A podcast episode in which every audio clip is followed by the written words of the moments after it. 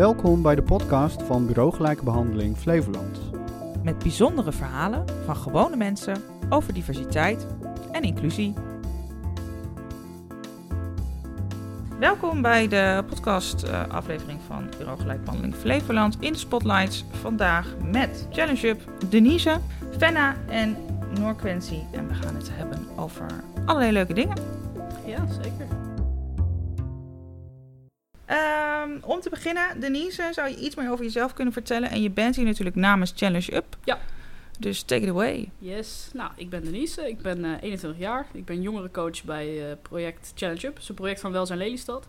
Eh, Het is een MDT-project, staat voor maatschappelijke diensttijd. Waarin we jongeren stimuleren om iets te doen voor een ander. Eh, leeftijdscategorie 14 tot en met 27. En daarbij bieden we dus best wel wat leuke projecten aan die je voor een ander kan doen. Maar wat ook heel erg gericht is op eh, nou ja, eigen skills ontwikkelen en vooral doen wat je leuk vindt. Dus wij zullen nooit zeggen je moet eh, dit doen of wij willen dit. Maar het gaat er echt om wat, wat je zelf leuk vindt. En hoe vinden jullie de jongeren dan? Ja, heel veel verschillende soorten vanuit school. Jongeren die bijvoorbeeld geen dagbesteding hebben, zouden bij ons kunnen komen. We bieden twee trajecten, een, vrij, een regulier en een intensief traject. Ook gewoon jongeren die zich vrijwillig aanmelden vanuit het netwerk van de jongerencoaches, vanuit het jongerenwerk van welzijn. Heel veel verschillende soorten eh, plekken. Heel goed. Oké, dankjewel. Fenna, jij bent ook via Challenge Up hier gekomen. Zou jij wat over jezelf kunnen zeggen? En dan ook hoe je bij Challenge Up eh, terecht bent gekomen. Zeker. Ik ben Fenna. Ik ben 17 jaar. Ik hou erg van toneelspelen. Ik doe dat al heel lang. Veel creatieve dingen vind ik heel leuk. En ik ben eigenlijk bij Challenge Up gekomen via Denise. Ik ken haar al heel lang. En een vriendin van mij die deed ook al. En eh, toen vroeg ze of ik er interesse in had. En toen hadden we een gesprek en ik was meteen heel enthousiast. Oké, dank je. En nou Quincy, aan jou dezelfde vraag natuurlijk. Nou, ik ben een Quincy. Ja, bij Challenger gekomen ook via Denise. Ik ken Denise via werk. Eh, daarnaast ook aange, ja, eigenlijk gekomen bij Challenge Up. Eh, inmiddels ook al mee met twee projecten, maar onder dit. Ja, wat ik nog meer? Zelf heb ik ook een podcast. Die neem ik wekelijks op met een paar vrienden van me. Dat doen we nu eigenlijk al zes, zeven maanden geloof ik. Elke week. Consistent. Dus dat is hartstikke leuk. Wat ik nog meer? Ja. Eh, muziek vind ik heel leuk. Muziek vind ik heel leuk en eh, ik hoop ook in de zomer steeds meer muziek te gaan maken met vrienden van me. Eh that's, it, eigenlijk- en, en hoe heet je podcast? Voor mag medetakkies. eens Een beetje reclame maken. Mag best. Formele takkies. Nou, hartstikke leuk. En ook leuk dat je bent aangeschoven hier eh, bij Bureau Gelijkbehandeling Flevoland. Want het is één, één van de projecten. Zullen we het project noemen? Is Bureau Gelijkbehandeling Flevoland voor, voor jullie een Voor project? ons is het project, ja. Ja? ja? ja, Oké, en ik hoor eigenlijk ook al dat je ook, ook wel in je eigen netwerk zoekt naar die jongeren. Dat doe die, ik heel eh, graag. ja. ja, dan ga ik een beetje door mijn WhatsApp-lijst heen. En denk ik, nou, wie zou, wie zou iets leuks willen doen? ja. En hebben jullie nog een ander project eh, waar je zoiets over zou kunnen vertellen? Oeh, ja, we zijn eh, bezig met het bouwen van een escape room bijvoorbeeld. eh, met jongeren. En dan v- hebben we nu gekozen voor de doelgroep jonge mantelzorgers. Dus jongeren gaan voor jongere mantelzorgers een escape room bouwen. Puzzels bedenken ze zelf, verhaal bedenken ze zelf. We zijn ook bezig met een project heet Debatteren kun je leren. Waar we jongeren iets bijbrengen over hoe een goed debat in elkaar zit. Daar zit, zit Norquentie ook bij, dus dat is ook heel leuk. Ja. En dat gaan we op verschillende scholen doen. Dus we zijn gewoon met heel veel diverse dingen bezig. Dus voor ieder, ieder wel wat wils, denk ik. En wordt dat een, een fysieke escape room? Een echt eh, een plek waar je Ja. naartoe kan? Ja, zeker. Ja, ja. Gelukkig wel. Gelukkig. eh, Nice. zou- we hopen dat het kan. Ja, ja wij zijn eh, heel, heel erg druk bezig geweest met digitale escape rooms in deze tijd. Om ook eh, met gastlessen toch nog wat op afstand eh, te kunnen doen voor jongeren. Alleen het zou fijn zijn als we inderdaad weer wat fysiek mogen. We Ja. hebben laatst nog wel in de klas een escape room over kinderrechten kunnen doen. Dus dat Oh, was gaaf. echt heel leuk, ja. Ja. Heel gaaf, ja. Dus dat willen we alleen nog maar meer gaan doen. Ja, waarom niet, toch? Even kijken. Ja, Fenna. Jij bent ook hier terechtgekomen bij BGBF via Challenge Up. Wat denk jij eh, te gaan doen? Of wat zou je graag willen doen hier bij Bureau Gelijkbehandeling? Ehm, de reden dat ik hier zit is dat ik ook door Denise weer iets werd gezegd over dat er een, eh, namens jullie een blog eh, zou komen. En gezien ik heel erg hou van schrijven en dingen vertellen over maatschappelijke onderwerpen, lijkt me dat heel leuk. Een heel leuk project voor mij. En heb je al een beetje een idee waar je over wil gaan schrijven? Wat is jouw onderwerp waar je veel over weet en waar je veel over zou kunnen vertellen? Ja, dingen waar ik veel voor weet zijn bijvoorbeeld dingen zoals eh, gender en seksualiteit. Ik ben bijvoorbeeld zelf biseksueel en uitzoeken met mijn, met mijn gender. Dus ik vind het leuk om daar dingen over te vertellen en ik ben daar heel open in. Oké, dank je. Eh, blogs. Melissa, waarom wil eh, Bureau Gelijkbehandeling eigenlijk blogs gaan schrijven?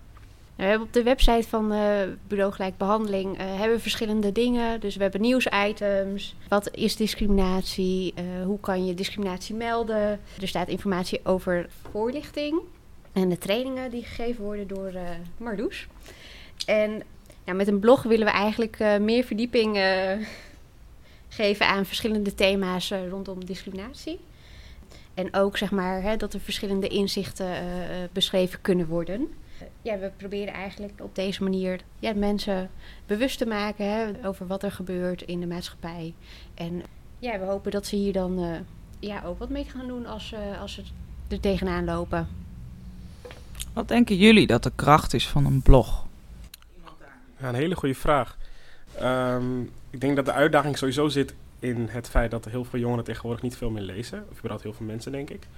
Dus daar zit sowieso een uitdaging in. Maar wat de kracht is van een blog, is, eh, zoals Venne net ook al vertelde, ik vind het zelf heel leuk om te schrijven. En ik denk dat door middel van tekst, en soms ook wel eens audio, dat gewoon iemands emotie gewoon naar buiten komt. En ik denk dat dat heel belangrijk is in een blog. Ik denk dat dat de kracht is van een blog. De emotie van iemand anders kunnen herkennen en lezen in de tekst. Dat is ook waarom een boek zo interessant is.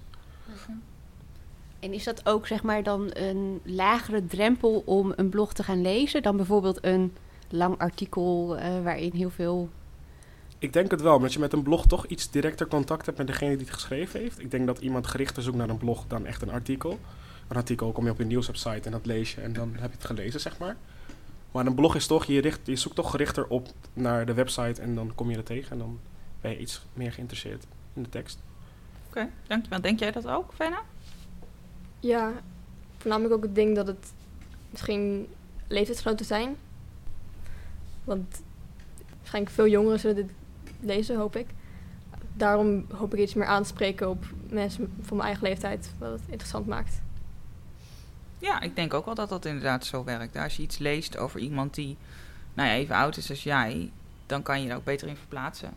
Eh, dan is dat veel herkenbaarder dan als ik iets schrijf over gender of seksualiteit in dit geval. Want ja, Ja. Ik, weet, ik, kijk, ik weet er wel heel veel van. Alleen dat is dan toch meer informatie. En minder die persoonlijke ervaring en die, eh, eh, ja, het moment waar je op dat moment in zit. En wat je op dat moment meemaakt, ja, dat kan ik eigenlijk niet vertellen. En daarom werken we ook wel met vrijwilligers in gastlessen. Als we naar scholen gaan, dat we iemand meenemen die ervaringsdeskundige is. En het liefst ook niet heel oud, mag natuurlijk wel. Maar ook iemand die een beetje feeling heeft met hè, de, de leeftijd waar eh, de leerlingen in zitten, waar wij op dat moment voor staan. Zodat we vanuit die hoek ook wat meer het contact kunnen zoeken. En dat ze zich wat meer kunnen verplaatsen in wat hè, de gastdocent ervaart en meemaakt. Gastlessen geven dus ook heel veel. En Noquentie, jij hebt aangegeven dat je het ook wel leuk zou vinden om mee te gaan naar school. Zeker. ja, en ik denk dat het voornamelijk zit in het feit dat ik zelf... Ja, we hebben toen een gesprek gehad en ik ben zelf niet echt per se eh, racistisch bejegend of gediscrimineerd. Althans, is wel eens gebeurd natuurlijk. Alleen trek ik me er niet heel veel van aan en doe ik gewoon mijn ding en ja, ga ik gewoon, ga ik gang, zeg maar. En ik denk dat heel veel mensen toch iets meer een positieve draai slash verhaal zouden moeten vertellen in plaats van alleen maar het negatieve verhaal. En ik denk dat ik daarin wel voorbeeld kan zijn voor heel veel jongeren van hey, het kan ook zo in plaats van constant maar in zo'n visuele cir- cirkel blijven. Maar ook het positieve ervan inzien. Niet per se van de situatie zelf. Eh, dat klinkt heel raar. Maar gewoon meer van hoe ga je ermee om als persoon zijn. En hoe accepteer je maar dat het gebeurt of zo. Dat klinkt heel raar, maar meer gewoon van gewoon doorgaan met je leven. Ja, in die zin dat je ze mee kan geven van oké, het, het overkomt je, het is gebeurd. En dat is natuurlijk heel naar. Maar hoe ga je nu verder? Precies, En hoe ja. pak je dat moment en, en kan je dat ook omdraaien? En kan je daar misschien sterker uitkomen? En, en tijdens onze kennismaking had jij bijvoorbeeld ook verteld over... Ja, soms moet je inderdaad twee, drie keer zo hard werken om jezelf te laten zien. Maar laat dat je niet tegenhouden. Gebruik het juist als kracht. Als motivatie eigenlijk van hé, hey, ik moet me bewijzen. Dat is dan een soort van kracht waar je het vandaan haalt, zeg maar. Dat is voor mezelf dan, eh, heb ik het al zo ervaren. Ja. Ah, je kan een soort rolmodel zijn hè, voor, voor andere eh, jongeren die daar misschien ook, eh, ook tegenaan lopen. hè, als, als antidiscriminatiebureau willen we natuurlijk dat niemand wordt gediscrimineerd. Dat zou heel fijn zijn. Mhm. Dat is je uiteindelijk doel.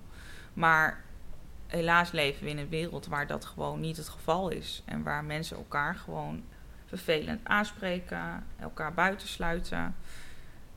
En daar moeten we wat mee. En eh, als het je overkomt, moet je dat ook ergens kwijt kunnen. Moet je je verhaal kwijt kunnen. Maar ja, het- inderdaad, de vraag, nou ja, de vraag is niet... Gebeurt het? Ja, het gebeurt. En, en dan? En wat moet je dan? Je kan ook je kracht halen uit inderdaad er werk van maken. Hè, zeggen van, ik wil niet dat dit mij overkomt. Ik vind het niet oké. Dus ik ga daar stappen tegen zetten. En daarnaast kan je, moet je inderdaad ook verder. Uiteindelijk moet je ook weer verder. En moet je toch weer de volgende stap zetten Mhm. in je eigen leven en naar je eigen toekomst toe. Dus ik vind het heel leuk dat we daar eh, samen eh, in de toekomst Vind ik ook. iets, eh, iets mee gaan doen in de klas. Wil je ook gaan bloggen? Ja, jawel. Puur omdat ik net vertelde, ik heb zelf best wel wat te vertellen. Best wel dingen wat mensen niet van me weten wellicht. Wellicht zelfs Denise. Ook al kent ze me best wel goed. Maar zelfs dingen waarvan ik denk, er zijn heel veel dingen die ik eh, wel te vertellen heb. Maar toch in een iets meer persoonlijkere vorm zou willen vertellen. En ik denk wat ik net vertelde, een blog is toch echt wel een hele mooie manier om dat te doen. Omdat er ook wel mensen zijn die wellicht hetzelfde ervaren hebben als ik. Of hetzelfde meemaken als ik op dit moment in hun leven. En daar waarschijnlijk kracht uit kunnen halen. Dat denk ik. Omdat ik dat zelf wel gemist heb in een tijd waarbij ik zelf echt wel kapot was van heel veel dingen. Heel veel dingen niet begreep. Dus ik denk dat dat wel heel, eh, heel mooi is.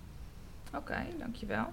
En jij geeft dus eigenlijk aan, ik vind het ook belangrijk om dit te gaan doen. Juist om een voorbeeld te kunnen zijn en om informatie te kunnen geven. Wat ik vroeger zelf heb gemist.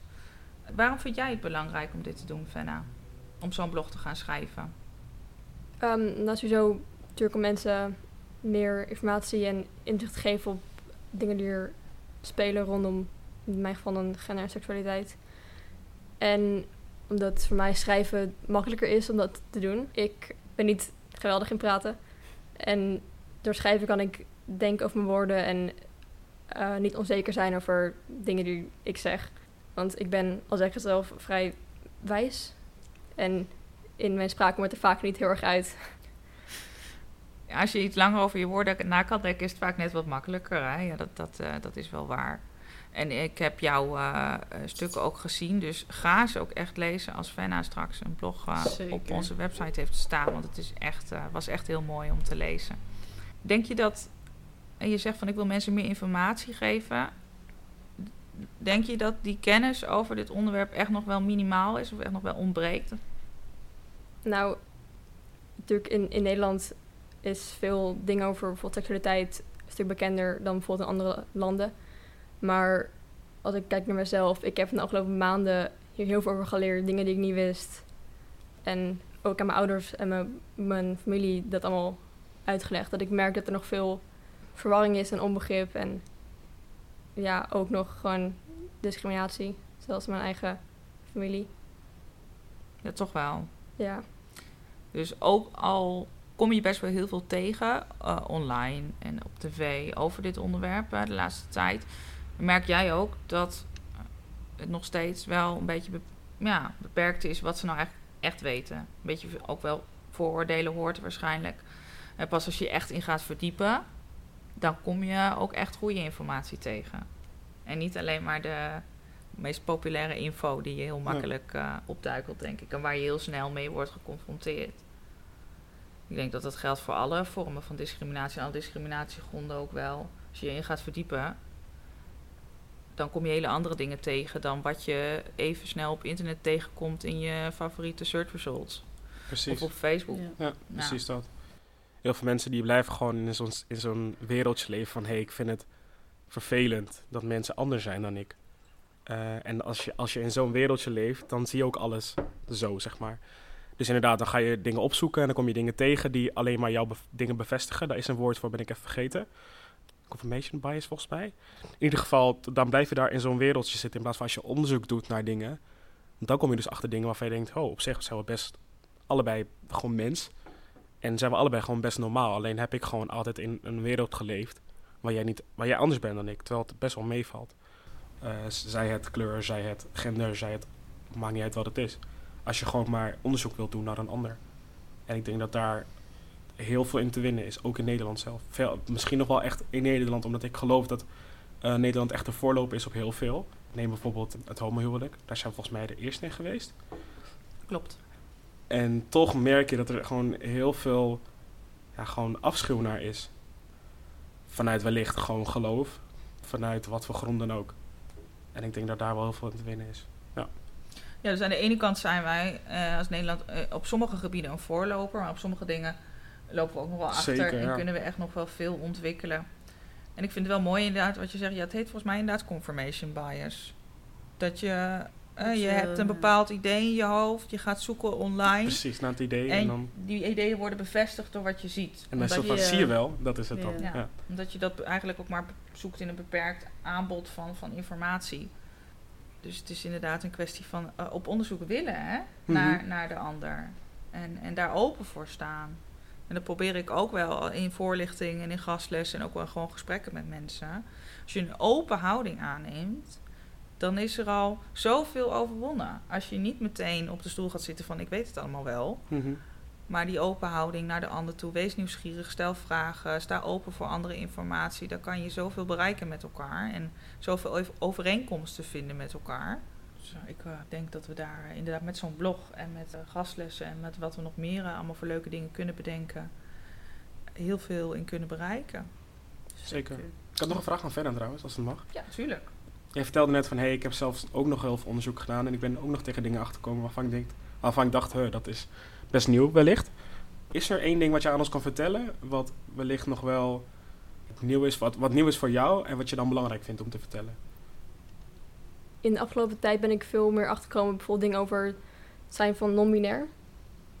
En ik, ik wist er wel wat van, maar niet heel veel. En veel, heel veel verschillende genders en zeg maar verschillende seksualiteiten wat ze inhouden. Dat ik ben ik, wauw, er zijn veel meer mensen eh, die hele andere dingen hadden dan die ik ken, you know. Mhm. Zou je eh, voor de luisteraars kunnen vertellen wat non-binair betekent? Tuurlijk. Eh, non-binair houdt in dat je je niet identificeert als man of vrouw. Ja, dat.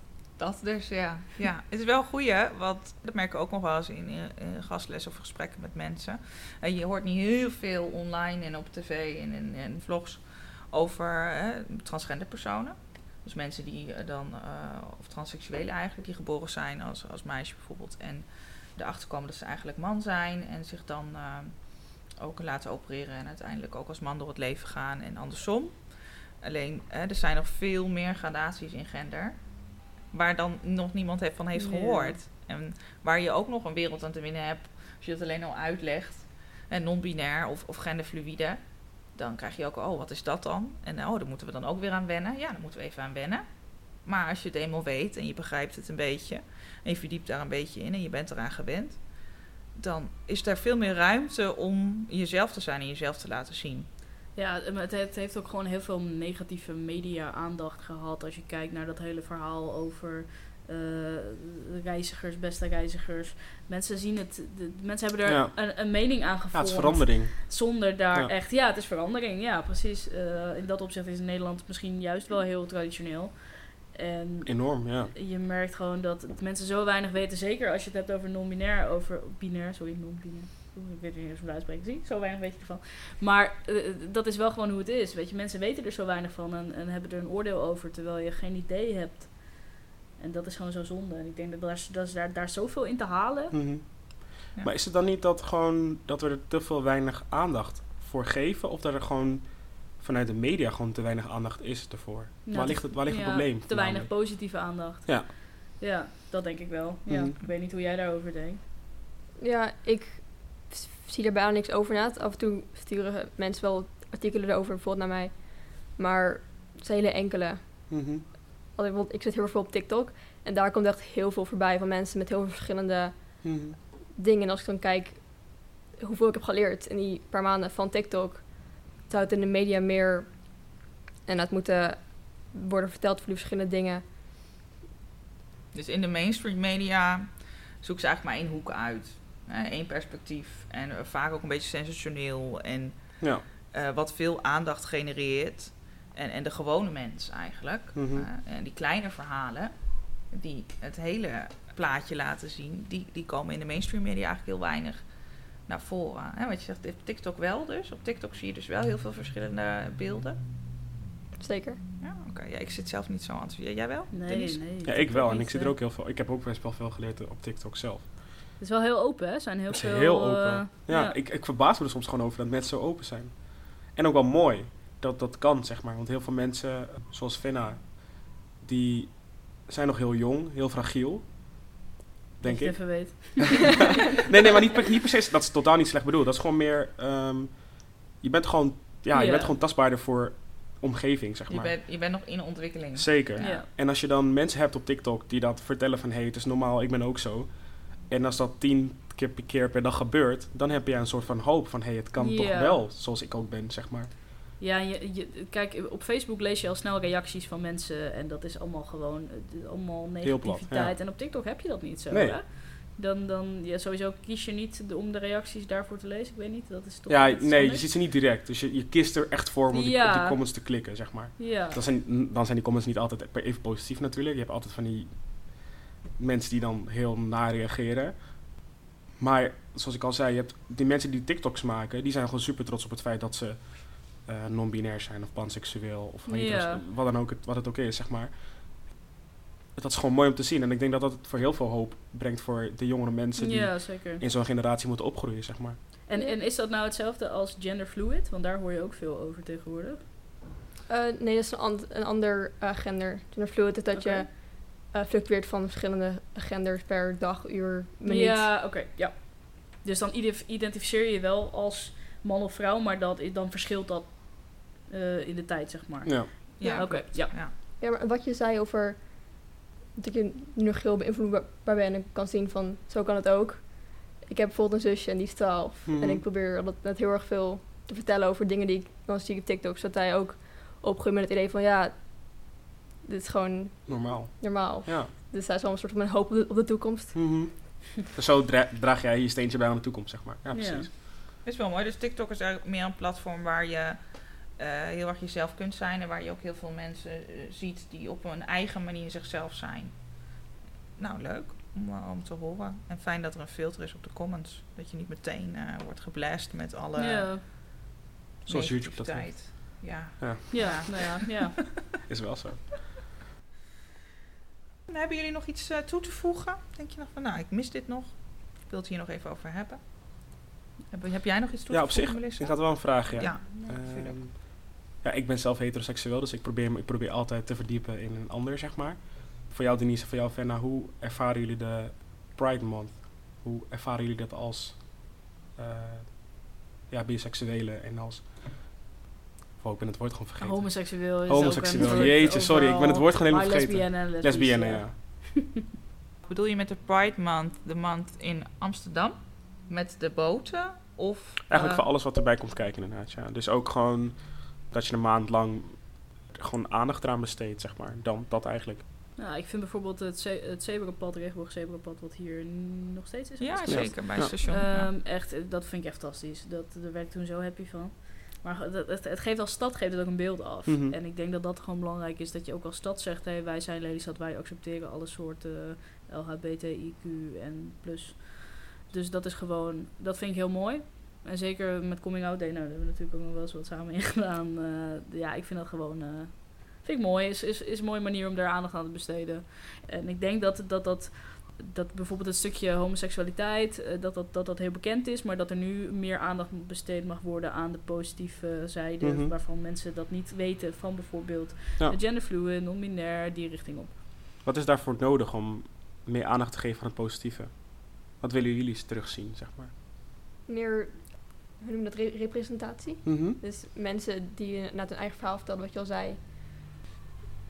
Niet alleen met vraag maar definities, maar ook gewoon mensen die zelf vertellen over nou, wat het voor hun betekent, voor hen betekent en wat zeg maar, hun ervaringen ermee zijn en zo.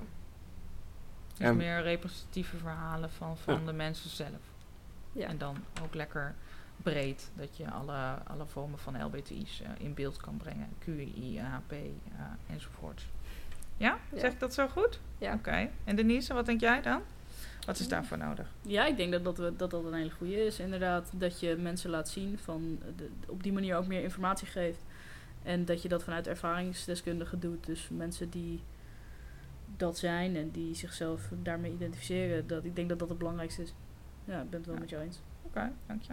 Nou, hou vooral de website in de gaten, want onze expositie komt eraan. Daarin worden verschillende mensen van LBTIQA plus geïnterviewd en er zijn foto's van gemaakt. En dat gaat eh, eigenlijk over wie zij zijn en wat zij doen en wat ze leuk vinden.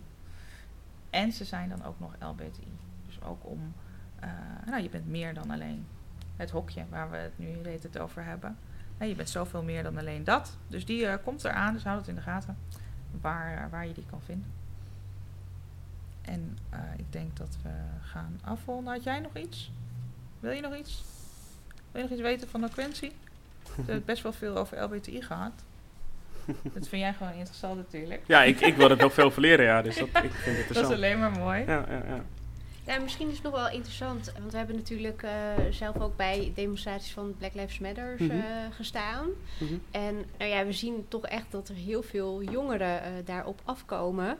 Dus het leeft ook echt onder de jongeren. Mhm. En ja, voor ons is daarom ook wel belangrijk hè, om die te, te, te bereiken. Mhm. Maar ja, ik weet niet, misschien kun je daar nog wat over vertellen? Of jij dat zelf ook Ja. merkt? Of, ehm, Ja, ik, ehm, ik heb het volgens mij een keer over gehad met een paar vrienden of zo. Ik vind het echt mooi om te zien hoe onze generatie zeg maar, het oude doorbreekt. Op elk, elk vorm van discriminatie eigenlijk. Dus we kunnen het dan eigenlijk over alles hebben, over gender of kleur. We zijn zo erg veel meer open-minded, open, dan we vroeger waren, zeg maar, als mens zijnde. Dus dat vind ik hartstikke mooi om te zien. En dat zie ik ook inderdaad terug op in BLM dan. Dat heel veel mensen gewoon dingen delen via Instagram. Niet per se er heel veel over weten, maar toch het hebben gezien, het willen lezen. Ook echt oprecht vragen stellen van, hé, hey, hoe zit het nou? Uh, hoe voel jij je daarbij? Is het zo belangrijk zoals jullie vinden dat het is, zeg maar? Misschien, ik, ik word gewoon gelukkig van als ik zie dat mensen gewoon oprecht onderzoek willen doen naar een ander. En inderdaad, ja, bij BNN merk ik dat ook, ja, zeker. Dus dat er meer interesse is naar een ander. Mensen Zeker, meer ja. openstaan voor nieuwe info. Ja. En dat ze er gaan staan, hè, dat ze zich uitspreken. Hartstikke bedankt iedereen eh, voor jullie deelname aan deze podcast. Eh, Denise, Venna, Noquency en Melissa natuurlijk. En eh, nou, tot de volgende.